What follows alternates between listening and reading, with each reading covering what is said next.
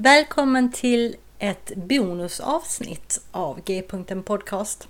Det här bonusavsnittet kommer att bli ett kortare, hoppas jag, eh, utläggning, eh, utsvävning kanske, av mig och mina tankar och funderingar efter förra veckans avsnitt som jag hade med Mikael Grenholm och hans bok Dokumenterade mirakler. Egentligen hade jag velat göra det här avsnittet som en diskussion tillsammans med någon annan. Men det gick inte att ordna i nuläget så jag tänkte då, då funderar jag väl lite på egen hand. Och eh, så kan vi väl se sen om ni vill hoppa in i det här samtalet med mig på sociala medier och så. Boken i alla fall som vi pratade om förra veckan då jag och Mikael. Vad det står om den eh, här, eh, det står säkert likadant på Bokus, det här är som står på Storytel då att i den här boken så finner du över 50 exempel på vetenskapligt oförklarliga tillfrisknanden efter bön baserat på läkarutlåtanden och journaler. Du får bland annat möta Maria som höll på att bli döv men plötsligt fick hörseln tillbaka under en gudstjänst. Jens vars hjärnskada försvann i samma ögonblick som en vän bad för honom. Och Bengt som gick en säker död till mötes men vars cancer försvann till läkarnas stora förvåning. Författaren för en djuplodande diskussion om huruvida detta rör sig om genuina mirakler. Kanske handlar det istället om placeboeffekten, att läkarna har ställt fel diagnos eller att vi i framtiden kommer att upptäcka naturliga orsaker. Dokumenterade mirakler är en bok som får både skeptiker och troende att tänka till. Ja, att mirakel sker. Det kan vi nog de flesta av oss vara överens om. Och eh, jag antar att han ville skriva den här boken, vad jag förstår i alla fall, för att det var en bok som han själv skulle velat läsa, sa han. Så han skrev den därför.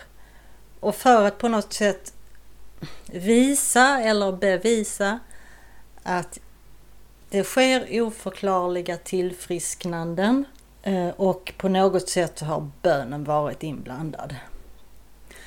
Och då tänker jag, är det bara bön till Gud, alltså den kristna guden då.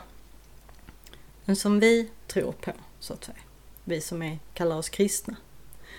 För om man skriver en bok som säger att genom bön till den kristna guden, då kan det ske helande och mirakler, men inte annars. Blir det inte då mer, mer än att framställa Gud som en mirakelgörande härlig, fantastisk gud, blir det inte mer då att framställa den guden som en girig och min son of a bitch? Om man bara tar emot böner av människor som är kristet troende. Det var en av mina funderingar.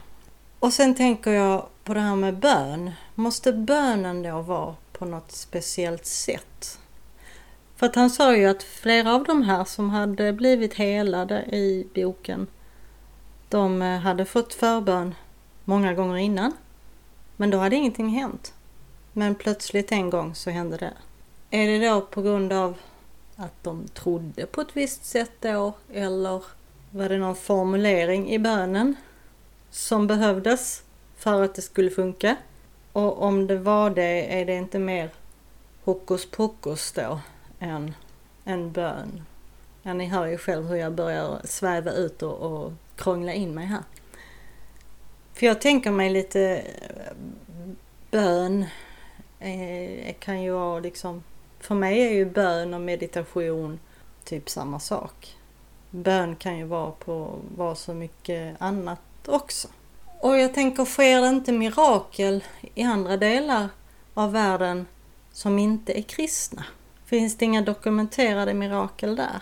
Eller var det viktigt att bara samla in där det just skett bön till inom den kristna tron? För jag har ju hört människor som har blivit friska från, en kvinna som blir frisk från sin MS genom att finna ett sätt, en meditationsform som passade henne och att göra det varje dag under en längre tid så läktes hennes kropp. En annan man som blev frisk från förlamning genom att i Kina genom att eh, mästare i qigong behandlade honom. Genom att röra de här, flytta, för, förflytta energier framför honom och så. kunde få ben och armar röra på sig och sen fortsatte att träna på det. Och efter, eh, efter ett antal månader så kunde mannen gå med hjälp av två andra, men han kunde gå. Så jag tänker inte det är lika mycket mirakel då. Eller om alla som har gjort olika hälsoresor, man blir helad från kroniska sjukdomar genom att göra en kostomläggning eller en livsstilsförändring. Är inte det lika mycket mirakel?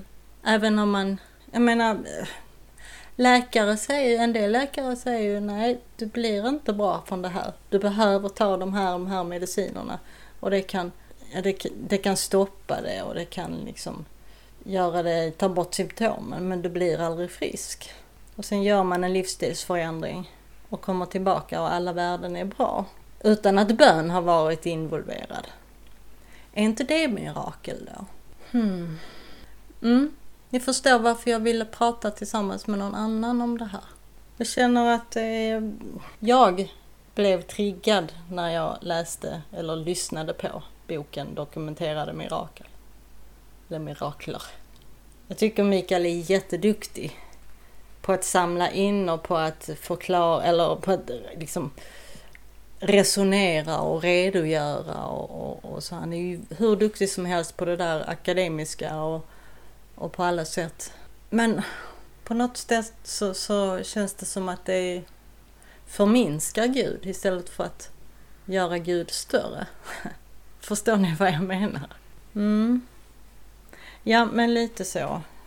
Och sen, eh, sen tänker jag också journaler, läkarjournaler så som man hade fått titta på och läsa och prata med läkare och så vidare.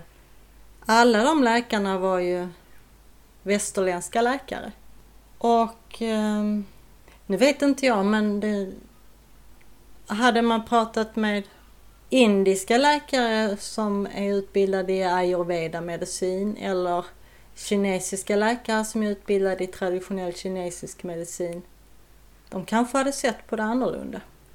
För jag känner att eh, västerländska läkare kanske inte vet allt. Och när inte de vet, inte kan förklara, då är det mirakel. Så, punkt. Mm, lite så. Det här var en, lite utsvävningar som ni hör och eh, i min cyniska ensamhet här ikväll. Men jag skulle bli jätteglad om ni ville kommentera det här avsnittet på Facebook eller bloggen. Det skulle hjälpa mig jättemycket. Om ni också har funderingar vad det gäller mirakel. Vad är det egentligen? När kan man säga att det är mirakel, mirakler? Om man nu håller sig till helanden som, som den här boken handlar om. Och annars är det ju, jag menar allting runt omkring oss är ju ett mirakel. Det är ju mirakel runt omkring oss när vi ser på i naturen och ja det är så mycket som är, är så fantastiskt. Men, men om vi håller oss till det här, vad, vad, hur tänker ni? Hjälp mig att fundera och tänka på detta. Och på något sätt komma vidare i den, komma vidare i tanken. Men låt mig avsluta det här bonusavsnittet i alla fall med en förbön mitt i allt. Livets Gud, när vi travar på i gamla hjulspår, när vi inte vet vart vi ska ta vägen, visa oss din riktning. När vi slits mellan allt vi vill och borde, när vi inte har något alls att hitta på, ge oss närvaro. När vi ser ansikten överallt, också när vi blundar, eller när ensamheten skriker tomt, ge oss kärlek. När vi inte vågar välja, när vi inte vet vad vi ska ta oss för, ge oss kloka tankar och varma hjärtan. Amen. Vi hörs snart igen. Hej då!